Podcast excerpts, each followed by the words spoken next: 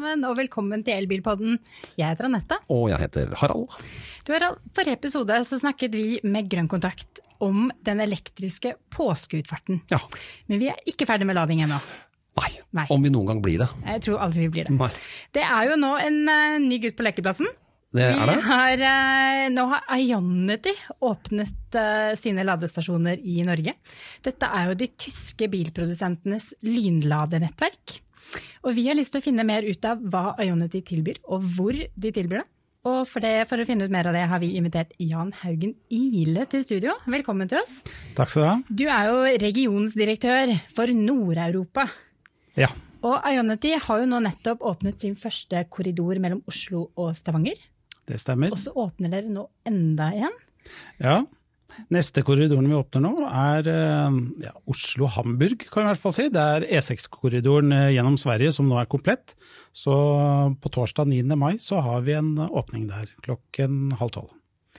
Så nå, dette er jo ladenettverket som da tar oss nedover i Europa. også. fortell litt mer om hvem er Ionity?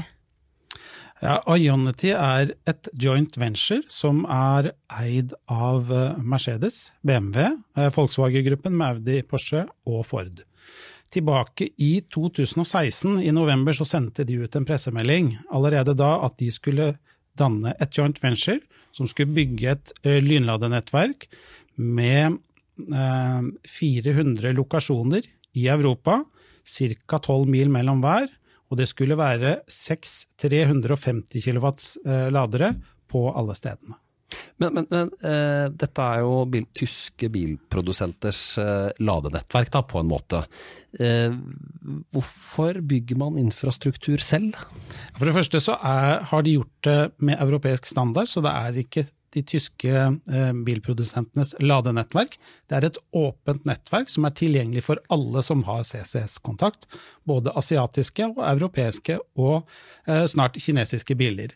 Grunnen for at man bygger dette, og målet deres, var å muliggjøre det å kunne kjøre hvor du vil i Europa med en elbil, altså kjøre langdistanse med elbil. Det var målet deres. Og for å kunne gjøre det, så trenger du raskt lettverk, så du ikke bruker for mye tid på å lade. Og så må jo de da bygge biler som har både eh, lang nok rekkevidde og god nok eh, ladehastighet for å kunne gjennomføre dette på en, eh, på en fin måte. Men her er det som en joint venture, så er det på en måte noen store, svære aktører, bilprodusenter, som har tenkt at her skal vi, her skal vi legge ut for dette. Vi skal være med å finansiere dette nye ladenettverket, men alle kan bruke det. Det er helt korrekt. De har startet med disse fire. De er åpne for flere investorer, altså flere bilprodusenter. Og det kommer nok til å komme flere bilprodusenter også, men det er litt tidlig. Men det kan hende at det skjer allerede i 2019. Og så må vi jo, som vi snakket om tidligere, at uh, Tesla har jo et, uh, et stort ladenettverk. Har man latt seg inspirere av hvordan de har gjort, eh, gjort dette her? Er liksom supercharger-nettverket til Tesla litt sånn storebror i denne sammenhengen her?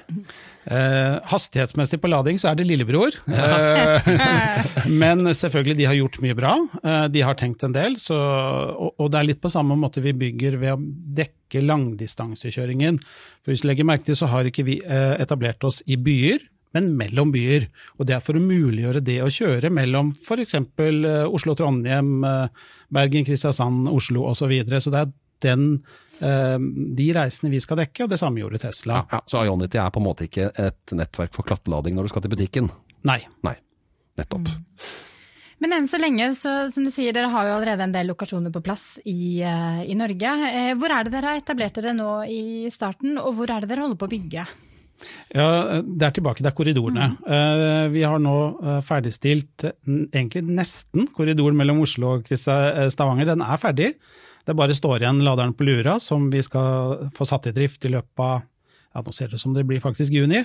Um, og, og det er de strekningene vi dekker. Vi skal dekke også det å kunne reise til Bergen, til Trondheim, til Stockholm, fra Stockholm til Malmö osv. Det er disse store veiene vi bygger, begynner på, og det er det samme som skjer nedover i Europa. Altså det er det hovedveinettet, motorveiene, de dekker vi. Og enn så lenge så er Dombås den nordligste, den nordligste laderen eh, i Norge. Det stemmer. Eh, Blir det noen lenger nord? Jeg kommer lenger nord, men jeg kan dessverre ikke øh, avsløre hvor og Prøv å hvor riste langt. ut av hvor langt nord. alltid. Ja. Ja, det er lov å prøve. Ja, det er jo det. For, det er jo en, eh, for vi har jo Tromsø litt lenger opp i nord, som eh, også er en stor by i sin, eh, i sin skala. Ja da, og de andre operatørene har jo sagt dette at eh, vi må få til noe i Nord-Norge, selv Mm. om elbilbestanden lengst nord er veldig liten. Men, men eh, dere har, hvor mange per lokasjon, hvor mange eller ladere per lokasjon er det dere har? Vi, det, Norge er på toppen der, faktisk. For vi har to lokasjoner hvor vi har forberedt for tolv, men vi har satt opp åtte. Og det er også da, når vi bygger tolv ladere f.eks., så har vi mye kapasitet. Den teknisk eh, kunnige vil si at det er store trafoer der. Så det kan stå tolv samtidig og lade på 200 kW. Det er raskere enn eh, E-tron i dag, samtidig uten å få problemer. Og det er hvis vi ser da på Tesla-nettverket, for vi får en del spørsmål, eller de sier 'jeg sto der alene', eller at det sto en ved siden av meg. Det har ikke noe å si. Vi har nok kapasitet, så for det om det er fullt på stasjonen, så får du den ladefarten bilen din klarer å ta imot. Det er det nye med oss. Men for å svare på det første spørsmålet ditt, det er seks i utgangspunktet per sted som er standarden. Vi begynner med fire. Det har litt med at vi bygger veldig fort i Europa, og de klarer ikke å produsere raskt nok. og Da er det bedre å få fire på alle steder enn å få seks på noen. Men vi forbereder for seks, så det ligger rør i bakken, det ligger fundamenter. Så i løpet av en dag så kan vi eh, legge til to nye ladere når vi ser at eh, etterspørselen er der. Og ikke nok med det, når vi jobber på de enkelte stedene, så gjør vi en vurdering hva er mulig å få til her. Hvor mange ladere klarer vi å presse inn? Og så planlegger vi i forhold til det. Så selv om det bare står seks der, så har vi sett er det mulig til seks til, og så passer vi på sånn at vi ikke bygger i veien for det, sånn at det går an å utvide når behovet, kommer. Og dette er jo sjukt mye strøm som skal frem til dette her. Veldig mye. Ja. Det er veldig mye. Altså bare den vi har f.eks. på Kjerringland, eller Kjærlingland, sånn, eh, der hvor det er plass til tolv biler, det er nok til å dekke 1000 eneboliger med strøm på full guffe. Å hjelpe meg. Det er mye strøm. Og, og, og det er da, sånn som Tesla i hvert fall har vært fram til nå, så er det ikke slik at man deler en stolpe eh, med A-stål og B-punkt. der. Her har du en stolpe, så har du så mye futt den klarer å gi. Ja. Og så mye bilen din klarer å ta imot. Ja. Nettopp. Så selv om det står seks E-troner på 150 kW, så har vi en god del eh, ekstra. Så vi tåler, som jeg sier, i snitt 200 kW eh, Mm. per ladepunkt. Det er mye. Det er det. Men så er det jo også det, det at dere der lager litt større ladestasjoner enn til sammenligning Fortum og Grønn Kontakt, som, eh, som har gjerne to eller fire per lokasjon etter krav fra Enova-støtte. Så går jo dere opp seks, åtte, tolv eh, per plass. Hvorfor er ladehuber mer det som er riktig i årene fremover? Jeg tenker ladehub er veldig bra, eh, spesielt på langdistanse. For det det er når, når du lader, så trenger du noe å gjøre. Eller egentlig så er det på den andre måten. Du stopper på ålreite steder å stoppe, og så lader du samtidig. Altså Hvis du er på langtur, så lader du når du tar deg en lunsj eller andre typer pauser, trenger å strekke litt på bena, og så plugger du til bilen samtidig. Eh, Jeg har vært på et par turer med elbil til Spania, og da har jeg liksom lært meg det at enten så skal det gå strøm ut av bilen jeg kjører, eller så må det gå strøm inn i bilen. Ah, Og det funker veldig bra, faktisk. Jeg ser som regel så er bilen, eh, selv med under 100 kW, så er bilen ofte ferdig før meg, og spesielt når man reiser med familie. Da tar det litt lengre tid å stoppe, for veldig mange tar egentlig ikke tiden når de tar sine vanlige stoppepauser. Tiden går ganske fort da, og det merker man når man kjører elbil, for da har du et forhold til det, i forhold til ladingen. Så den, det, det vi sier i bransjen, du stopper ikke for å lade, men du lader når du stopper. Og vi har større eh, ladeparker, så vet man ofte også at forventet ventetid, hvis det er det, er kortere. For da er det seks som kan forsvinne, eller tolv som kan forsvinne, istedenfor at det er bare to. Og så tenker jeg at når det blir større ladeparker, så blir det veldig attraktivt å ha gode kundetilbud der, sånn at man også får muligheten i fremtiden å velge sunne alternativer. Så det ikke bare har de som kanskje ikke er best for kroppen. Ja, for det er jo ladeburgere. Det er jo det meste som tilbys overalt nå.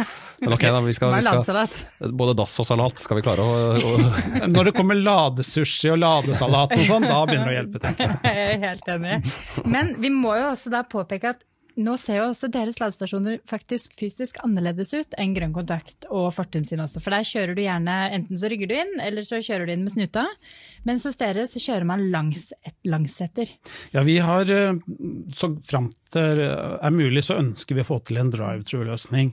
Eh, Det tenker vi er bedre. Vi ser jo at nå kommer f.eks. varebiler med ladekontakten på siden, og, og elbilene har jo ladekontakter i alle hjørner, pluss i fronten. Det er litt utfordrende. Der er Tesla heldig, siden de egentlig er så kjipe at de bare gir lading til seg selv. Men de vet hvor ladeporten står, og det er det enklere å planlegge. Mm. Det vet vi ikke hos oss. Og i tillegg så kommer det folk med hengere. Det er litt kronglete hvis du skal parkere. Og det vil etter hvert komme små lastebiler, eh, større varebiler som ikke får til rett og slett eh, det med en parkeringsløsning. Det så vi jo var testet av, av Tesla-Bjørn, hvor så vidt han måtte omtrent kjøre inn i laderen for å få uh, ladekontakten inn i bilen, og da fikk han ikke opp døra. og Sånne løsninger er ikke noe. Så jeg tror det er mer holdbare løsninger. Eh, selv om de tar litt mer plass. Men vi prøver å få til det hvis det er mulig. Vi merket jo faktisk det da vi var ute og testet eh, Audi E-tron. Ja, den er ikke noe glad i kjøpesenterladere med fronten inn. Nei, det var eh, Da kunne man ha en centimeter klaring til stolpen. Da klarte akkurat man å sette i kabelen. Så. Ja, det, Så det krever lengre kabler, mm. og hvis de er i front, så må du kanskje ha kabelen over panseret. Og det er ikke så morsomt på en ny bil. det får du ikke på min bil. Nei, ikke på min heller. Derfor tenker jeg at, det, at vi gjør det så framt vi får det til. Det er ikke alle steder det er plass. Men det er jo flere måter dere skiller dere ut på. For dere skiller dere også ut ved at det er andre betalingsløsninger. Og det eh, er litt annerledes, for her vi, i Norge har vi blitt veldig vant med å bruke SMS for å betale, en eh, app eller en ladebrikke som, eh, som, man bruker til å starte og stoppe ladingen. Hvordan er det det er løst hos Ionity? Kan du forklare litt det for oss? Ja, Der har vi tatt en annen posisjon, som, som, du sier. Vi har tatt en rolle som kalles for CPO, som egentlig sier sikkert ingenting for dere som lytter, men det står for Charge Point Operator. Sier kanskje bitte litt mer, men ikke helt forståelig allikevel. Men det vi gjør, vi planlegger, vi bygger og vi drifter lynladere for elbiler. Det er vår hovedrolle. Og så vil du da eh, kunne ha kundeforholdet ditt hos noen andre. Naturlig er det, Den første vi ser som gjort det tydelig, er Audi nå. Kjøper en Audi E-tron, så kan du få et ladetilbud fra de, altså Audis ladekort, og så får du da fakturaen din fra Audi, og så vil Audi fakturere oss for alle sine Audi-kunder. Sånn vil det være når Mercedes kommer, når Volkswagen kommer, eh, når BMW kommer, når Ford kommer, osv. Det er også muligheter for Ionity da å inngå avtaler med andre eh, som har kunder i sin portefølje. Men, men det er sånn at da, da, vil de bli også fakturert fra de. Så hvis, da, hvis vi skulle inngå avtale med NAF f.eks., så vil da NAF fakturere sine kunder for den ladingen som NAF-kunden gjør hos Ionity, og så får da NAF en faktura fra Ionity for alle kundene som NAF, alle NAF-kundene som har vært hos oss. Men, men, men i praksis nå så, så, er det en fast pris på ladingen. Sånn, sånn, når du kommer ned og ikke har noe kundeforhold til noen tredjepart, så betaler man en fast pris for å lade. Det er en slags påkoblingsbetaling. Ja, det er eh, en introduksjonspris, en, en, en, en kall det sånn første fasepris. Ja. Eh, det vil skje endringer der i løpet av året. Eh, Akkurat. Jeg kan dessverre ikke avsløre hva som kommer og når det kommer. Det måtte, men det måtte komme? Eh, ja, det, det kommer. um, men, men, det er helt riktig, du betaler en fastpris. Og vi har en betalingsløsning som egentlig er en, kall det nesten reserveløsning. Hvis du ikke har avtale med noen andre, så skal du kunne få lade hos oss. Og da er det vår eh, løsning. Den er ikke god, Eh, og den har en tydelig utfordring, og det er for de som hører. Når du bruker den, så kan det ta litt tid. Ja. Og det er to forhold. Hvis det tar litt for lang tid, så går det i såkalt timeout. Altså da stopper det opp. Og da må du starte helt fra ja. nytt igjen. Bare, både... bare, bare, ta det konkret der, for det er jo noe som har spurt oss om dette. Eh, mange starter da en litt sånn byråkratisk måte å få i gang ladingen på, men idet de er ferdig med de tingene de må gjennom, så har selve tilkoblingen timet ut. Ikke sant? Det er helt korrekt. Ja. For det de gjør er at de plugger inn i bilen, og så begynner de å finne ut av betalingsløsningen, og så går det for lang tid. Ja. Og så virker det ikke, og så ringer de support, så får de hjelp, og så kommer de til neste stasjon. Og så virker det, ja. for da har de gjort hele oppsettet, og da går det litt fortere. Så det raskere. Da går det raskere, Og så tror de at det var noe feil på forrige laderen. Men det er det at det dessverre tar litt lang tid, så du starter på nytt. Men tipset er ikke plugge inn i bilen før du er helt klar til å betale. Nettopp. Men det viktige her er jo at dette er, kall det ekstraløsningen. Ja. Um, det er I Europa så er faktisk dette med mange ladeoperatører en større utfordring i Norge. I Norge har vi noen få. I Europa er det mange innenfor ett land. og Da har det blitt dannet et system som heter Hubject. Det blir litt et sånt felles betalingssystem à la Visa eller Mastercard. Og da vil alle som er medlem av Hubject, eller er med i den gruppen, dems, alle de, de kortene virker hos uh, Iontis og Plugsurfing og New Motion. De kan du bruke hos oss fordi de er en del av Hubject. Og da fungerer det på samme måte, for da, da, for, da fakturerer da f.eks. Plugsurfing sine kunder, og så får vi pengene for alle Plugsurfing-kundene via Hubject. Så egentlig så er Ionity en leverandør av site og strøm, eh, mens man vil ha et kundeforhold, optimalt sett, hos f.eks. Audi eller NAF eller hvem det måtte være. Eh, er det, er det slik dere ser for dere i framtiden? Det er helt korrekt. Altså, vi tilbyr ladeplugg, og så får du ha betalingen din fra noen andre. Nettopp. Og det, også når du spurte om pris, så har jo ikke vi kontroll over det. For hvilken pris NAF vil ta for Ion-tillading, eller ja. plugsurfing, eller andre, det er opp til dem. Vi kan ikke diktere noen andre. Vi blir bare enige om prisen mellom oss og den eh, ladeoperatøren. Og så får ladeoperatøren selv velge. Så vi kan i den måte også gjøre avtale med, NAF, med Fortum og Grønn Kontakt, og så får de velge prisen sin ut mot sine kunder. Men For å ta en sånn uh, bensinstasjonssammenligning, da, så er det som om uh, eieren av bensinstasjonen kjøper inn drivstoffet. Han har en pris fra oljeleverandøren, og så er det lokal priskrig som bestemmer hvordan hans pumpepris blir. Egentlig så blir det ganske likt på mobilmarkedet. For det er ganske mange av dem du kjøper mobiltjenester av som bruker Telenors nett. Men så har du avtale med, med, med, en av de andre, og så setter de prisen for det. Vi er på en måte Telenor-nettet, og, og, så selger vi det nettet til andre som kan selge det til sine kunder. Så dette her det er litt komplisert, Jan. Ja. Eh, hvorfor er dette her så komplisert? Vi, løper vi foran teknologien? For det, det, er jo ikke lett å være forbruker midt oppi etter dette. Så har jeg en ladebrikke, men så kommer jeg til deg, og der kan jeg ikke bruke den. Da er det noe europeisk som jeg ikke er klar over. Ja, jeg ser det, og jeg ser at det er litt vanskelig. Og det, det, vil nok være litt det, men så er det også at vi er ikke en norsk operatør, vi er en europeisk operatør og må finne løsninger som fungerer for hele Europa. Ikke bare for Norge med Fortum og Grønn kontakt. Vi skal dekke hele Europa og gjøre det enkelt for deg å reise gjennom Europa. Så når du har da en eller annen avtalepartner, hvem det måtte være, om det er der du kjøper bilen din, eller om det er noen andre som selger ladetjenester, men når du har den på plass, så kan du bruke den også når du kommer til Spania, Frankrike, England, Italia eller hvor du måtte være. Så i så måte hjelper det deg. Da slipper du å lete i den jungelen. Men ja, som ny, jeg skjønner at det er vanskelig. og, og ja, det er litt sånn For å få til en europeisk løsning, så blir det kanskje litt mer kronglete i en overgangsfase i de enkelte landene. Men jeg tenker når vi får avtale med også lokale ladeoperatører, så tror jeg det vil bli bra. Men ja, i en overgangsfase. Litt kronglete, men vi har en app. Det går an å bruke den, eh, men vent eh, med å plugge inn kontakten til du trykker start. Så, så Ionity-appen, rett og slett? Ja, eller, er det plug, eller er det plugsurfing som er det enkleste? Hvis, man, hvis du skal ha ladebrikke, så er det det enkleste. Det koster ikke noe for den. Mm. Du betaler bitte lite grann mer for ladingen, tre kroner eller noe i den stilen der. Men vi har også, nå har vi kommet som en app, så du kan finne oss på Google Play og på iPhone-appene. Så du kan laste ned den, så den fungerer Litt bedre enn webversjonen. Men det du i hvert fall sier her, er at uh, det er litt cumbersome nå, ja. men det kommer løsninger framover.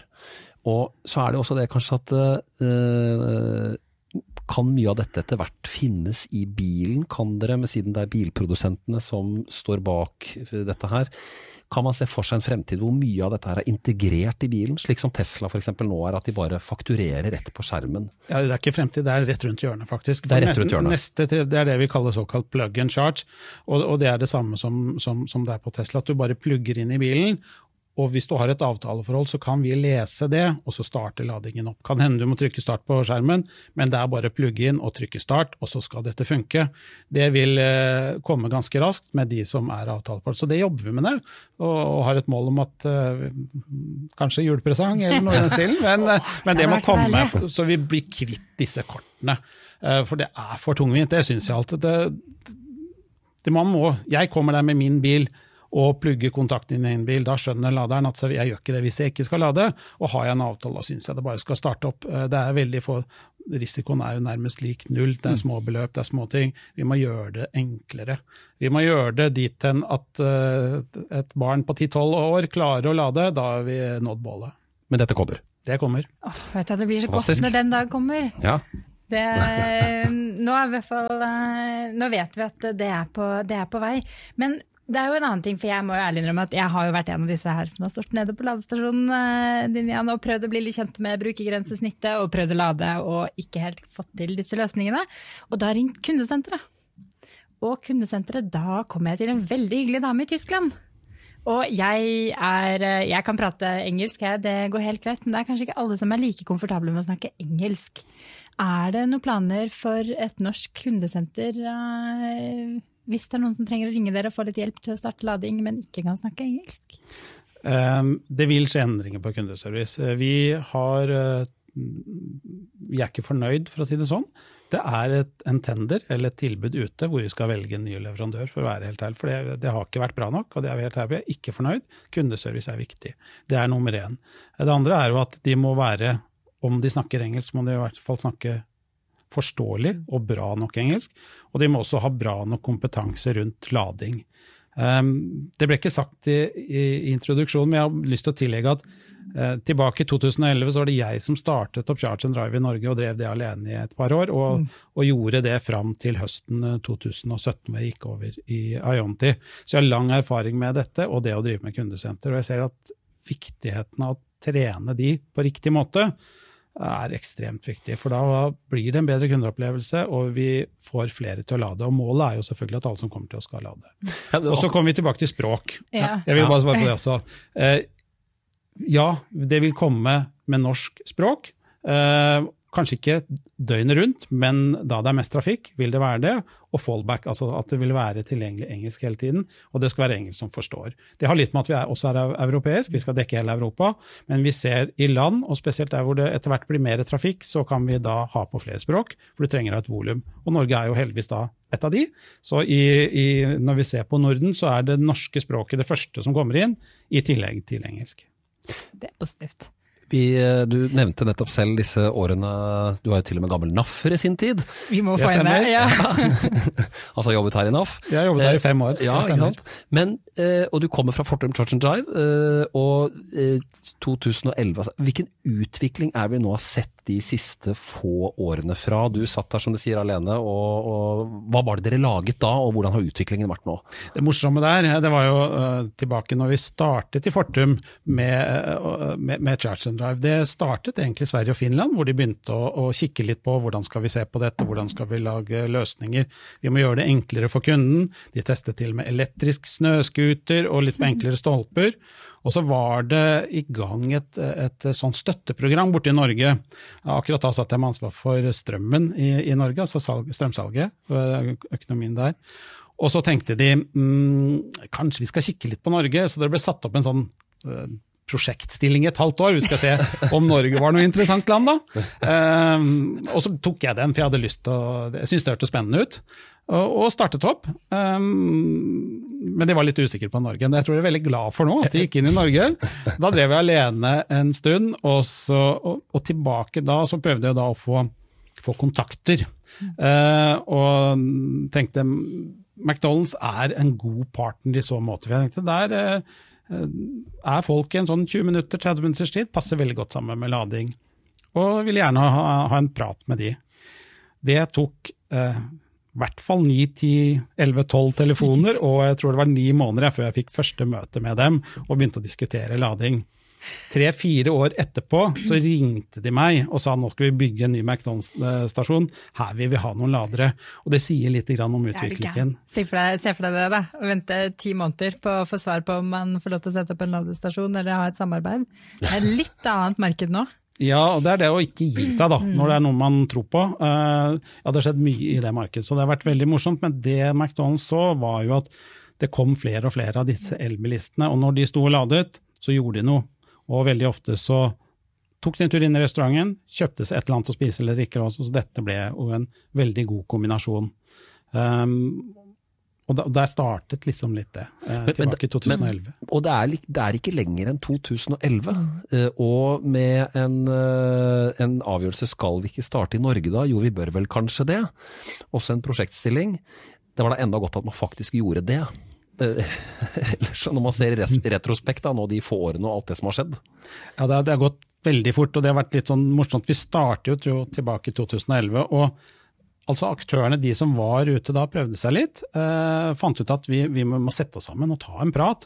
Så da møttes vi på Rogaland, på sted, det heter Ladestedet. Eh, og, og, møttes der en helg og diskuterte litt hvordan skal vi gjøre dette. Og da var det mye diskusjoner rundt egentlig sånn man ikke gjør nå i lov, men så tidlig. Hvordan skal vi få til dette? Hva slags prismodeller er mulig? Og det veldig mange eh, trodde på da, var en dugnadsmodell Altså det at man betalte 300-350 kroner måneden, og så hadde man liksom lading inkludert. Eh, de som husker litt tilbake i Elvevei, det var Ishavsveien, senere Arctic Roads, som trodde på den modellen. De er nå konkurs. Eh, det var to aktører i markedet da som trodde på en prismodell hvor du betaler i forhold til forbruk. Altså Jeg vil ha minuttspris, jeg er tilbake da. Så det var faktisk mm. Grunnen til at vi har minuttspris, er for at jeg ønsket å ha det. Eh, takket være deg, det. Det er takket være meg. Så de som lurer litt på prismodeller og hva Jonny tenker, så, så, så har, har, jeg noe erfaring, for å si det sånn. Men det var også Circle K var tidlig, de solgte enheter, men de solgte kvartersenheter, så du kjøpte kvartersbolker på stasjonen, og så skrudde de på bryteren inne i stasjonen, og så fikk du et kvarters lading. Så det, det. men, men hvor lang tid tror du det tar fra nå at eh, hvis vi ser bort fra Teslas eh, ladenettverk, men alt det andre, som jo er ganske betydelig, og som blir enda mer, hvor lang tid tar det før vi er så sømløse at dette å lade bilen er like intuitivt som å fylle bensin, eller det vi, alt det andre vi er vant til? Det bør vel bli like intuitivt som å lade telefonen. Det er litt der uh... Det er det dere vil sammenligne? Ja, jeg tenker for det, folk tenker litt sånn. At det skal liksom være plug and play, og så skal det virke. For veldig mange ting vi er med nå, er plug and play, og dit må vi komme. Ehm, jeg husker også tilbake når de første 50 kW kom, altså de første hurtigladerne, mm. så var det en del jobb med de. Ustabilitet, man brukte tid på å få stabilisert de. De er ikke 100 ennå, leser jeg, ehm, men det har blitt mye bedre. Og når man går på høyhastighetslader, så er det mer teknisk avanserte installasjoner. Det er mer ting som kan gå galt? Ja, om det er mer galt, men det er mer ting som skal til. Du har disse pumpene, som ligner litt mer på dagens bensin- og dieselpumper. Og så har du en, en del bokser hvor det er masse sånne tekniske duppeditter. Og så har du et sånt kjempestort eh, strømtilførsel som er en nettstasjon. Alt dette skal spille sammen. Så det er det må få tid til å justere seg opp litt. Jeg ser jo at det er mye bedre nå enn det var tilbake i 2012 og 2013, eh, hvor jeg brukte nesten hver helg på å reise rundt i forskjellige McDonald's-restauranter og flippe av og på sikringer for de tenkte en restart. heldigvis er det over, men det var litt starten. Og så vi, Det tar litt tid å få stabilisert opp. Tid, et år fra nå? To år? Noe sånt. Ja, men, det, men et, når plug and play, uh, plug and charge kommer, så vil det hjelpe mye. Det gjør ja. det mye enklere for brukeren. Da er det ikke noe å tenke på, det er liksom bare å plugge den på plass. Og da tror jeg nok veldig mange vil velge en leverandør som passer for de, som kan tilby den tjenesten, for da blir det veldig enkelt å lade. Og vi må komme dit hen. For det, og det er viktig at det kommer nye kunder hver måned. Nå kommer det vel sånn 3000-5000 nye kunder hver måned, og det vil bare øke. I 2025 så kommer det kun da kommer det vel 10 000-15 000 nye kunder hver eneste måned, for da skal det bare selges miljøvennlig. Og der tenker jeg det er veldig viktig at bilbransjen tar sitt ansvar. Når de skal levere ut en bil til en ny elbilskunde, så er det én ting som er nytt, og det er hvordan du fyller energi på bilen. Og er det noe du skal fortelle den kunden, så er det i hvert fall hvordan han gjør det. For det gjør noe med kundeopplevelsen, det gjør noe med gjenkjøp. Men jeg tenker at selgeren forteller om det han er trygg på. Er han ikke trygg på elbil, så forteller han ikke om lading. Og det er oppfordringen. Lær selgerne opp i lading, sånn at vi får kunder som har litt, grann, har litt mer kunnskap med seg når det kommer til ladestasjonen. For det var tilbake i den tidlige tiden, før liksom massemarkedet kom så var det ikke noe problem, for da hadde alle menneskene lest og liksom satt seg inn i hvordan man skal lade. Og så var det en høy grad av entusiast, eh, dette å, mm. du var entusiast da du hadde elbil? Det var det, men de hadde lest bruksanvisningen fram og tilbake, så de kunne det, og da gikk det litt greiere. Nå ja. leser ikke folk det lenger, de bare kommer og regner med at det skal funke. Mm. Og da må de som også leverer ut bilene hjelpe til Det var oppfordringen til alle bilselgere og bilforhandlere der ute. At uh, lær dere dette her, så får man fornøyde kunder også. Ja, da kommer de tilbake neste gang når de skal bytte bil. Men nå er jo, dere tilbyr jo som sagt 350 kW lading. Eh, og hvis man ekskluderer Tesla, så er jo den bilen som tar imot eh, høyest effekt, det er jo E-tron med 150 kW. Det stemmer. Eh, det kommer jo 350 kW lading eh, bl.a. fra Porsche, skal vel kunne ta imot 350 kW. Det stemmer det, de kommer senere i år. Ja, men hva ellers tror du fremtiden byr på? Skal vi lade enda raskere enn det, eller er det taket? Eh, jeg vet ikke om det er taket fra hva de vil levere, for her tenker jeg det er flere forhold. En er jo det, si, det, reelle behovet, altså det å slippe å stå og vente så lenge. Eh, da er rask lading bra. Da trenger du bare å bruke den tiden du sånn sett orker eller har til rådighet. For det har litt å si, altså hvis du skal lade drar på langtur og stopper én gang for å lade, gjør det i forbindelse med lunsjen, så er ikke tiden så veldig problem. Men når du drar virkelig langtur og, og, gjør det litt flere ganger, kanskje er ute alene, og på den siste turen så er det veldig nyttig at det går fortere. Og da tenker jeg at det er veldig fint at du, du kan kanskje betale litt ekstra for den ekstra raske ladingen, så kommer du litt fortere hjem. For det er forskjellige kundegrupper. Det er forretningsreiser, det er de som gjør det i næring. Eh, taxi f.eks. De har jo en fortjeneste av at det går veldig raskt. Så, så behovet vil være litt varierende. Men så er det jo alltid det med at i bransjer så er det en konkurranse. Raskest fra 0 til 100. Raskest lading. Og noen ønsker det konkurranseelementet, at de er kjappest på lading eller de er best på noe. Og det presser nok da prestandaen opp i forhold til lading. Eh, men jeg tror nok veldig mange klarer seg med ladehastighet til 150 kW, og eventuelt kanskje 200, blir veldig raskt. Da tror jeg de aller, aller, aller fleste er mer enn fornøyd. Men så er litt dette konkurranseelementet, og kanskje for de som har ekstra dårlig tid, at de også har mulighet til å kunne lade litt raskere. Men så må vi ikke glemme at det kommer også tyngre kjøretøy, som da er varebiler, lette lastebiler, som har mer behov for energi, og av den grunn trenger raskere ladighet fordi at de har større batterier og, og bruker litt mer strøm. Da.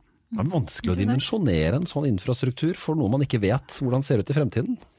Ja, og derfor syns jeg at det var tilbake i 2016 at det var ganske framtidsrettet å tenke 350 kW allerede da, for det mm. var jo egentlig ganske kom det, det var ikke utviklet engang.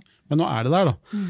Og jeg tror det dekker ganske mye. Men på et eller annet nivå så tenker jeg at det blir nok. Og det skal jo også leveres, og det skal betales for, eh, ikke minst. Det koster noe å kjøpe strøm, mye strøm på kort tid. Det er kostbart.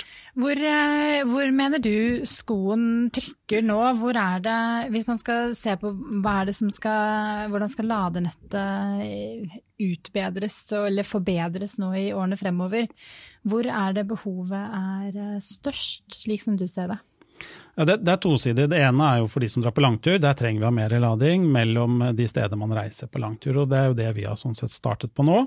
Men så blir det jo flere og flere elbiler i byer hvor det er vanskeligere å lade. Eh, noen har gateparkering hvor det ikke står noe, og det er veldig kostbart å bygge disse gateladerne. Um, og da kan jo også det med raskere lading for byboere være aktuelt. Um, det hjelper å se jo det at hurtigladere i Storbyer er veldig populært, det er et høyt bruk, det er jo der bruken fortsatt er størst. Og det har noe sammen med at det er fortsatt mindre batterier, men også at mange bor i byer. Men da er det én ting er viktig, for det er en stor forskjell mellom det å kjøre bil med bensin og diesel og en elbil.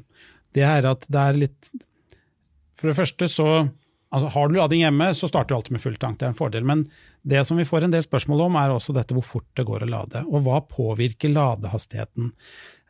Og det er jo flere forhold. En er jo om batteriet er kaldt eller varmt. Og så det, ehm, det, som påvirker det, er hvor lenge du har kjørt rett i forkant av ladingen. Altså ikke dagen før, men fram til ladestasjonen. Mm. Og skal du oppnå en god ladehastighet med de fleste av dagens biler, så må du kjøre minimum en time, gjerne en og en halv time, da, eh, og gjerne da på motorveien, altså med en eh, bra hastighet, da blir batteriet varmt. Da får du en god ladehastighet. Noen biler blir påvirket når det er kaldt ute, altså minusgrader, så kan det også bli kaldere. Og Hvis du da går tilbake til byen, så for de byboerne så skal ikke de stikke ut om morgenen for å fylle opp eh, batteriet sitt på en hurtiglader, da går det sakte. Da er det bedre å lade når du kommer tilbake fra en tur, før du parkerer bilen din. Og det er det samme når du er på langtur med elbil ikke tenk at du skal hurtiglade på morgenen. Hurtiglad før du parkerer hvis du ikke kan lade der du står parkert. For da får du mye raskere hastighet, og du sparer tid. Så det er en viktig ting å ha med seg. Masse spennende her, altså. Men, eh, men oppsummert i dag, Ionity eh, bygger, har bygget og eh, fortsetter å bygge i Norge og i resten av Europa. Eh, De skal eh, hoste opp en bedre løsning og bedre avtaler og bedre betalingsordning. Dere har deres egen nødløsning, men, men planen her er altså en, en løsning hvor dere tilknytter dere tredjeparter, eller tredjeparter kommer til dere. Og så ser vi jo frem til at det er en betalingsløsning som finnes inni bilen. Så man har en sånn sømløs Det blir jo nesten, det blir jo enklere enn å fylle bensin, det, for du har ikke noe bankkort engang. Ja, ja, du slipper å styre med å betale i kasser. Det er bare å plugge og, og lade. Så, så det, det blir bra, og det kommer. Det gjør det. Herlig. Det var veldig spennende å få deg i studio, eh, Jan, og høre alt du har vært med på. Også vel så mye. Ja, Det er jo bare en brøkdel av det jeg har fått fortalt. Ikke sant? Så kanskje vi får ta en del to en gang, da. Og få resten to. av historien. En sånn mimrepod. En mimrepod, da. vi. Veldig hyggelig at du tok deg tid til å komme i studio. Hyggelig jeg fikk komme. Og så må dere huske der ute at uh, du finner Elbilpodden på Spotify, uh, iTunes og SoundCloud. Uh, og selvfølgelig på Facebook og våre nettsider naf.no skråstrek elbil. Der finner du alle podkastene også med video og lyd. Eh, For å lese, elbil, så kan, lese mer om elbil, så kan du gå inn på naf.no skråstrek elbil. Har du spørsmål, så kan du sende det til oss på naf elbil krøllalfa naf.no. Og så kan du følge oss på Facebook, NAF eh, Elbil på Facebook og på Instagram. Og det tror jeg jammen var Det var alt. alt. Vi er ikke på Snap ennå. Nei, vi er ikke det var alt. alt. Det er ikke det. Vi ses og høres om 14 dager. Ha det bra så lenge. Ha det godt. Ha det.